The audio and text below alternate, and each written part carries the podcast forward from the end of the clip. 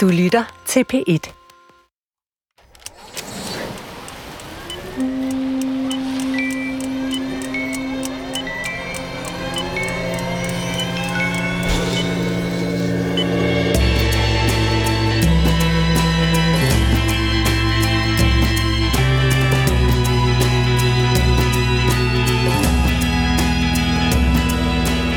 Det er ikke hver dag, at jeg som vært her på radiofortællinger må starte med at sige, at jeg ikke aner, hvad dagens to fortællinger slutter med.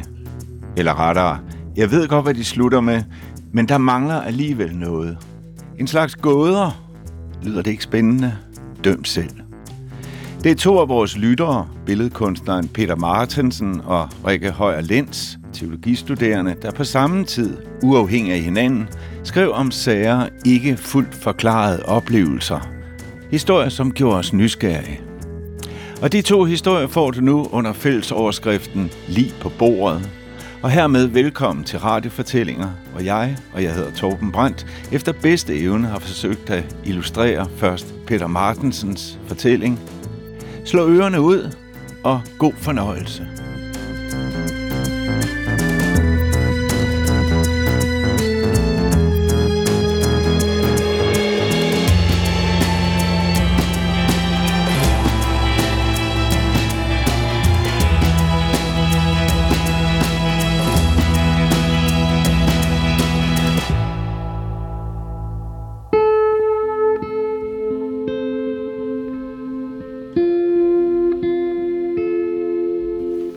Jeg er jo billedkunstner, og jeg har et atelier, der ligger inde i en baggård i Hellerup. I bagerste baggård. Det er sådan et havehus. Og man skal sådan ned ad sådan en smal havegang for at komme derned.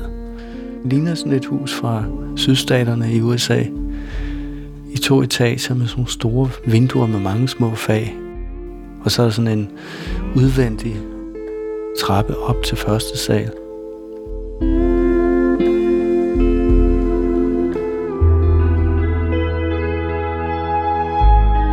Jeg, jeg har det sådan, at jeg arbejder til meget sent om natten. Øh, jeg kan simpelthen ikke holde op.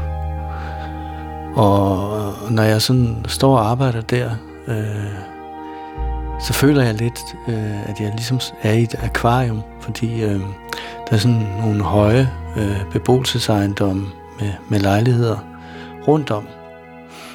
Og der i starten, hvor jeg havde atelieret, der havde jeg ikke fået sat gardiner op, så, så jeg havde sådan følelsen af, at alle de kunne bare se ned på mig der, og, mens jeg gik og arbejdede.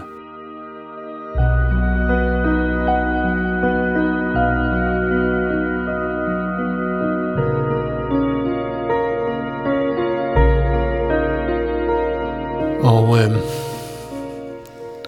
jeg havde sådan en, en periode, hvor jeg arbejdede med malerier, som handlede om Nürnberg-processen i øh, Tyskland efter 2. verdenskrig. Og øh, det var så en af de her netter, hvor, øh, hvor jeg stod og arbejdede, hvor det pludselig så kunne jeg høre noget, der rumsterede udenfor.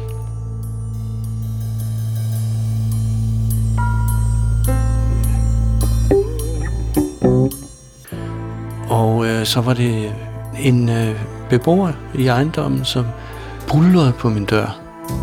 Og, og jeg, jeg åbnede og var sådan helt chokket, øh, fordi man er meget følsom, når man står og arbejder længe. Så alle øh, sansindtryk bliver ligesom forstærket.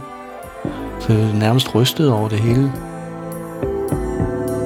Og han var helt sådan forvirret og ud af den, og spurgte mig, om jeg havde set nogen løbe forbi eller et eller andet, fordi der havde været indbrud i en guldsmedforretning på Strandvejen, som lå lige over for den anden gård. Og der stod så nogle politifolk bagved, og nej, men jeg, jeg, havde ikke, jeg havde ikke lagt mærke til noget.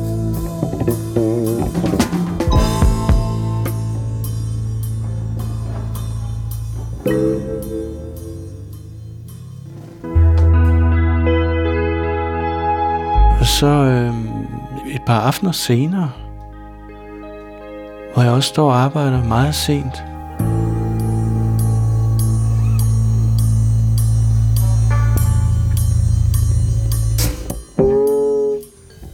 Så hører jeg pludselig en meget nogle mystiske lyde ned fra haven det, i, i mørket der. Og jeg slukker straks lyset for at finde ud af, hvad det er, der foregår. Og så kan jeg så se, at der ovenpå, vi har sådan nogle lave cykelskuer. Der er sådan noget øh, tagpap på. Og så kan jeg se to skikkelser, der står og bakser med et eller andet. De står ovenpå på cykelskuret. Jeg kan se deres silhuetter mod øh, asfalten i gården bagved. Og det, de står og bakser med noget meget stort og tungt. Jeg tænker, hvad fanden foregår der her? Jeg var jo straks inde på øh, noget med nogle 20 eller et eller andet indbrud, eller... Og jeg var helt stille. Og så kunne jeg sådan se, at fra lyset, det, det meget svage lys, der var, der, der kunne jeg se, at det var noget, der var pakket ind i noget sort plastik. Og det var meget tungt. Og de stod sådan og svingede med det. Og det havde samme størrelse som, ja, som de her ligeposer, man ser, når folk er druknet og kommet op. Eller soldater, der kommer hjem fra krigen og er faldet. Og så synkroniserer de deres bevægelser, og så kaster de den her meget tunge pose ned på et havebord, jeg har stået dernede. Og det lyder et ordentligt bum. Og så, så springer de begge to ned i den næste gård, og så spæner de simpelthen afsted. Og jeg er sådan... Ja, klokken er tre om natten, og jeg er i chok. Og jeg har den her sensibilitet, som man jo får, når man har malet i mange timer. Og jeg er meget i tvivl om, hvad jeg skal gøre. Om jeg skal vente og se, om der kommer nogen, og måske skal hente det der, eller... Jeg bliver simpelthen siddende i mørket og holder intenst øje med, hvad der foregår. Men der, der er intet, der rører sig. Og jeg kan bare skimte den der menneske store, sorte pose, der ligger der på mit havebord. Og jeg tror, der går måske 20 minutter eller sådan noget. Og ja, der er noget inde i mig, der får lyst til at gå ned og se, hvad det er, men det inde i mig, der er bange, er stærkere, så jeg tænker, jeg må, jeg må simpelthen vente til i morgen, når det er lyst. Så jeg øh, går ned og skal gå forbi det der. Og jeg kigger jo intens på det, mens jeg går forbi. Det ligner fuldstændig en ligepose.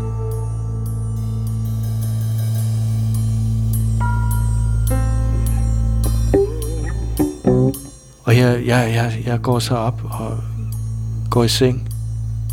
Og er sådan, kan næsten ikke falde i søvn. Så det første, jeg tænker, når jeg slår øjnene op, det er selvfølgelig, at jeg skal ned og, og, og, og se, hvad det er. Og jeg har sådan en helt salgsmag i munden af nervøsitet.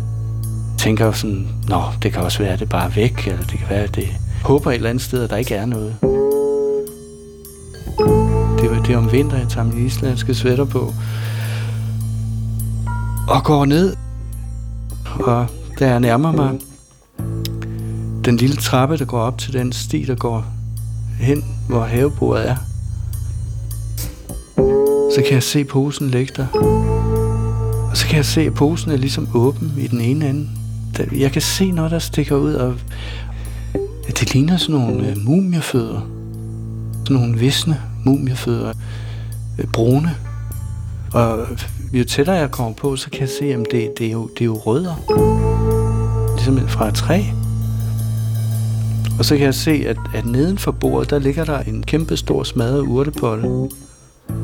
Og øh, jeg kommer helt hen, og, og så er jeg straks mere rolig.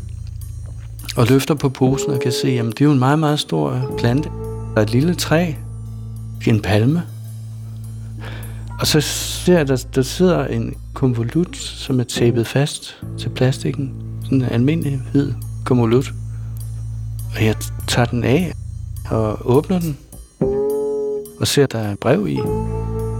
Og øh, jeg åbner brevet, og, og så, så ser jeg, der står med sådan en, en lidt kantet skrift. Sådan ligesom om, at man skulle ikke kunne genkende skriften eller et eller andet. Så stod der, kære behjertede nabo. Jeg er netop hjemkommet efter et længere ophold syd for Alperne, og jeg er i en sørgelig forfatning. Vil du ikke nok tage dig kærlig af mig? Med venlig hilsen, Olof.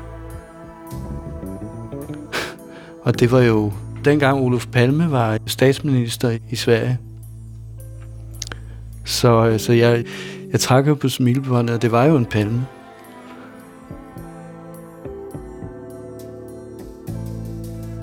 Men, men altså, jeg, jeg stod jo i lang tid og, og,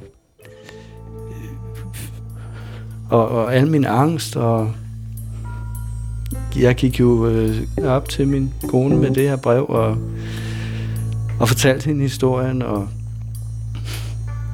og vi brugte lang tid på at, at prøve at, at sætte os ind i, hvad, hvad er tankegangen bag at, at, at gøre sådan noget. Ja, hvad var tankegangen? Hvad med alle dem i ejendom overfor, alle dem, der kunne se ned i Peters atelier? Var det en af dem? Peter og fruen opgav at ringe på alle de mange døre, så hvem ved? En gåde. Hvis man har en, en, en smuk palme, man gerne vil have nogen til at passe, så, så kan man jo spørge dem pænt, om, om, om de vil overtage den. Men at lave sådan en, en performance der, synes jeg egentlig tyder på, på mennesker med en vis fantasi og øh, et overskud.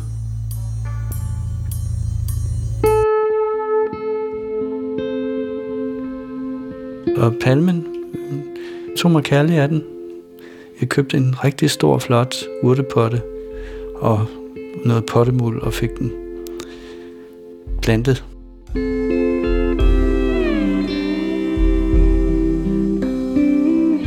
Den kom op i vores stue, og den var jo stor og flot. Den nåede helt op til loftet. Det er jo sådan en gammel lejlighed, vi bor i. Der er jo højt til loftet. Og nu står den så pynter stadigvæk derop i stuen.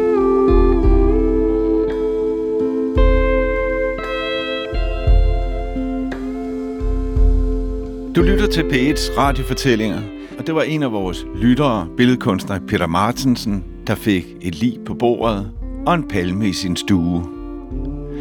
Og nu skifter vi scenen til et helt andet sted i Danmark, og til en anden lytter, Rikke Højer Lens, teologistuderende, som skal i sommerhus med sin nye kæreste.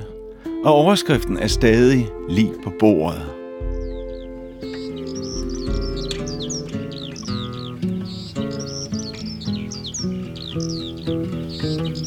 Vi ankom fredag aften. Vi skulle bare være der på weekend i det her hus, som hans forældre havde købt kan huske, hvor lang tid vi havde været sammen på det tidspunkt. Ikke særlig længe, så det var sådan tidligt i det her forhold. Og ja, det var jo bare sådan mega romantisk at tage afsted på, på sommerhustur alene. Det var ikke sådan et typisk sommerhusområde. Sådan stuehuset i en mindre landbrug, tror jeg, på et tidspunkt. Men de har så købt det bare for at kunne bruge stuehuset som sommerhus. Øh, men, men vi havde fået at vide, at i løbet af ugen havde der så været en maler dernede, som ligesom skulle male nogle ting i det her hus. Og det har han så arbejdet på i ugen inden. Han vidste ikke, at vi skulle komme.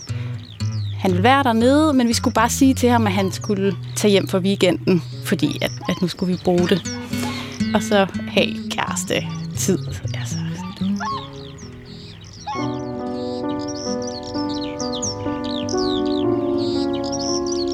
og vi kommer der ned og, og kan se, at, at øh, malerens bil holder der, og vi parkerer ved siden af og går ind og tænker, okay, vi skal bare lige hilse på, og så ligesom få sådan sagt pænt farvel. Og, og nu, nu var vi her, så måtte han ligesom tage afsted, fordi han havde overnattet der, fordi det var jo ret langt væk fra byen, så alle fem af ugens dage, og så måtte han jo så køre hjem Øhm, så vi, vi kommer ind i entréen og, og går så ud i køkkenet og kan så se, at øh, han har siddet og spist ved køkkenbordet, og der står sådan en tallerken med noget frokost på.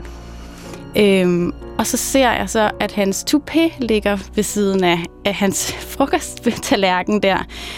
Og så kigger vi jo sådan lidt på hinanden og tænker, okay, øh, er han på toilettet, eller hvad?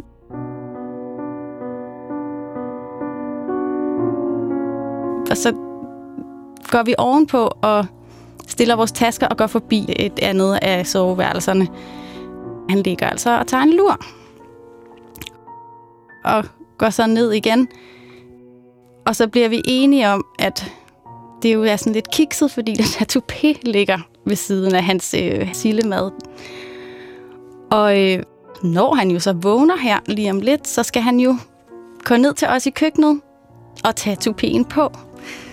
Øhm, og det er ikke lige en situation, vi tusind har, har lyst til at være i.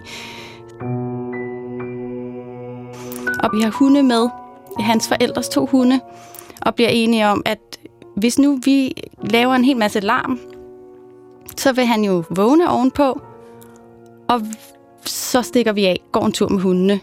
Fordi i mellemtiden har han jo så mulighed for at komme ned, tage sin toupé på og pakke sine ting, så vi ikke skal møde ham halvvejs på vej hen mod sin toupé. Det er i hvert fald virkelig en situation, som jeg rigtig gerne vil undgå. Så vi øh, sørger for sådan at smække med dørene og trampe sådan op og ned ad trappen et par gange. Jeg tror også, at vi sådan siger lidt, lidt manieret. Øh, Nå, skal vi gå en tur? Ja, lad os gå en tur. Vi giver den jo bare gas, så godt vi nu kan. Og tage vores overtøj på og, og få smækket døren hårdt og afsted med hundene. Og tænker, okay, nu er han helt sikkert ved at vågne. Det kan ikke være anderledes. Og jeg ved ikke, hvor lang en tur vi går. Men vi kommer i hvert fald tilbage og åbner hoveddøren. Og der er stille. Tupéen ligger der stadig. Maden står der stadig. Avisen lå, hvor den lå før. Så bliver vi enige om, okay, det her det er vores weekend. Nu vil vi bare have det her hus for os selv. Fint nok, han ikke er vågnet, og fint nok, at tupéen ligger der, og det er helt vildt pinligt. Men han skal ud. Nu skal han ud. Så jeg begynder sådan at igen, jeg prøver jeg rydder op efter ham ude i køkkenet, og skramler helt vildt med de der tallerkener. Og vi sådan igen prøver sådan at råbe lidt og snakke så højt vi nu kan. Sker jo ikke noget. Okay. Så siger min kæreste så, okay, jeg går op og vækker ham. Og han går ovenpå, og så går jeg også ovenpå. Og jeg går forbi på gangen, og jeg kan se, at han er inde i det, i det andet værelse, og jeg går ind til på vores værelse og stiller nogle ting. Og så kan jeg mærke, at der er et eller andet her, der ikke er, som det skal være. Og min kæreste kommer ud på gangen. Og i det, han kommer gående ud, så går det bare op for mig, hvad det er, der ligesom er grunden til, at han ikke er kommet ned. Og jeg har ikke set, hvad min kæreste har lavet derinde. Og så kigger vi bare på hinanden. Og så kan jeg bare se på ham, at den er helt gal. Jeg siger, han er død, ikke? Og han, jeg, jeg, jeg, jeg kan bare se på ham, ja, han er død. Og så jeg flipper helt ud og synes bare, det er virkelig creepy. Han ser også sådan forbavsende rolig ud. Meget rolig, faktisk. Øhm, jeg tror, han synes ligesom, nu skal han have styr på den her situation, og skal være sådan øh, klippen her. Og han holder om mig og, og siger, det skal nok gå. Eller, og begynder sådan lidt at græde, og synes bare, det er så mærkeligt og ryster, og så går vi bare ned i stueetagen igen. Og jeg er i hvert fald meget febrilsk og tager sådan tøjet på. Vi har jo ikke nogen mobiltelefoner. Nej, vi skulle virkelig ikke have mobiltelefoner. Det var bare så åndssvagt. Og huset er nyt. Der er ikke installeret telefon. Så jeg er bare sådan på med tøjet, og han får taget tøjet på, og hundene med, og afsted til naboen. Og så kommer vi ned til naboen og får ringet 112 og sagt, at der ligger altså en død mand i det her hus. Og det er først der, at min kæreste så fortæller, hvad han så inde på værelset. At han ser, at, at maleren ligger helt stille, og han tænker, at, at hvis han trækker vejret, så hvis han holder ham for næsen, så vil han helt sikkert gøre modstand for at kunne få vejret. Så han sådan holdt ham for næsen. Og det skete der så ikke rigtig andet ved, end at han siger, at der ligesom kommer sådan noget vand ud af næsen på ham. Så når man har ligget selv bare i nogle få timer, så begynder ens krop bare sådan, at, og så kommer der simpelthen sådan væskeudtrædninger. Og det kan man jo bare også godt få ud af næsen. Men i hvert fald, min kæreste finder jo så i hvert fald ud af, at det her det er ligesom ikke helt, som det skal være. Han er nok død. Og så siger han også, at han tager ham sådan på låret. Men så har han allerede begyndt at have sådan begyndende dødsstivhed.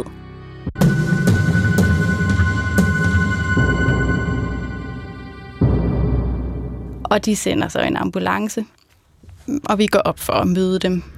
Og falkmændene går op og konstaterer ganske rigtigt, at han er død og har været død i noget tid. Og når man finder et fremmed menneske i sit hus, så skal man så politianmeldes. Så der kommer også politifolk, som så skal afhøre os.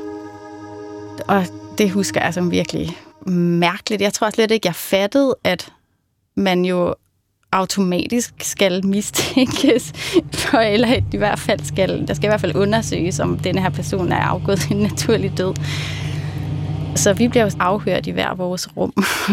Og jeg synes egentlig lidt, at den her politidame, der skal afhøre mig, at, det, at hun egentlig bare sådan skal være sød og forstående. Og, men det går så op for mig, hun spørger meget sådan specifikt, hvad tid vi øh, fandt ham, og hvordan jeg ved, at han er død, og og jeg blev ved med at komme ind på det her med tupéen. Det fyldte virkelig meget hos mig, at det var så enormt brugte jo ekstremt mange kræfter på at få ham ud af huset. Uden at det ligesom lykkedes, at det har fyldt så meget, og det tror jeg ikke optog politidamen så frygtelig meget.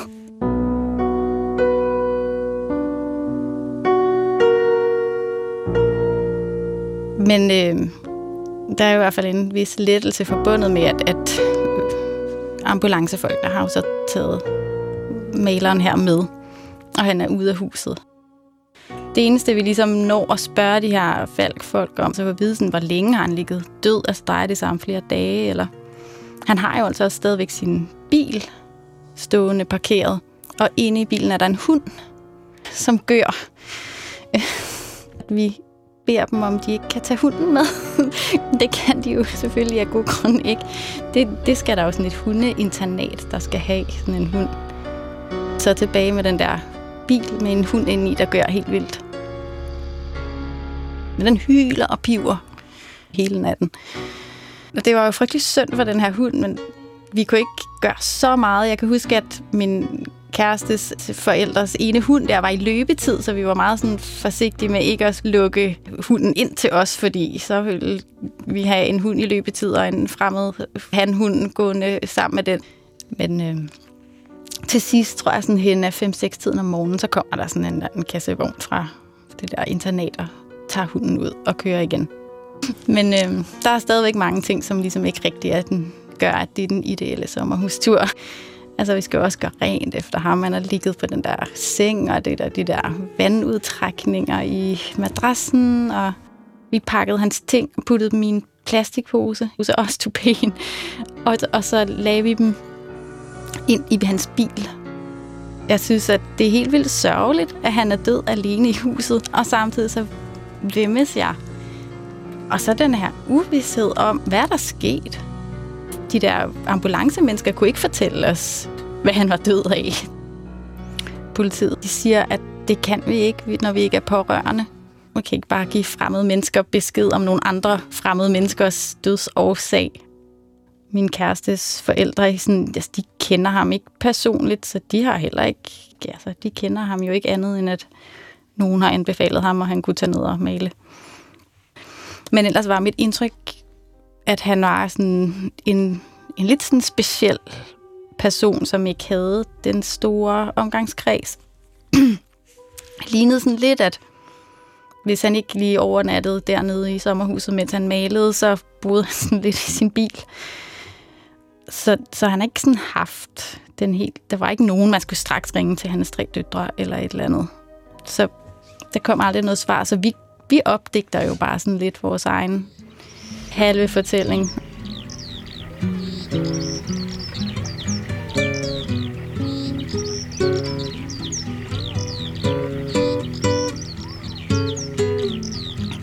Ja, så er det så meningen, at nu skulle weekenden så starte og vi har sovet mega dårligt, fordi hunden har gødet hele natten.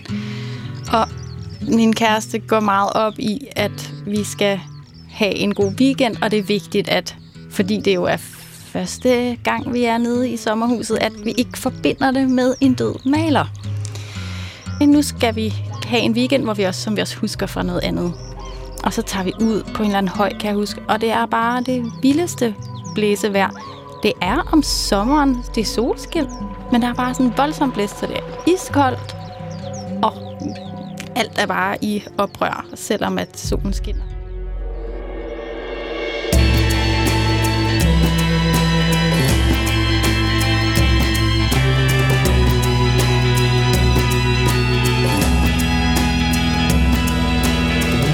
Ja, hvem var mon den maler, Rikke Højer Lens fortalte om? Og hvem sendte Peter Martensen en palme? Vi ved det ikke. Men må ikke du har fantaseret om mulige svar undervejs? Og du er velkommen til at skrive til os, hvis du har forestillet dig en eller flere slutninger, som du har lyst til at dele. Skriv til radiofortællinger, radiofortællinger dr.dk, hvor E staves A-E.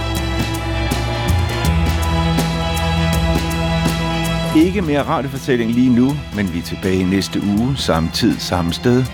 Tak fordi du lyttede med på snarlig genhør.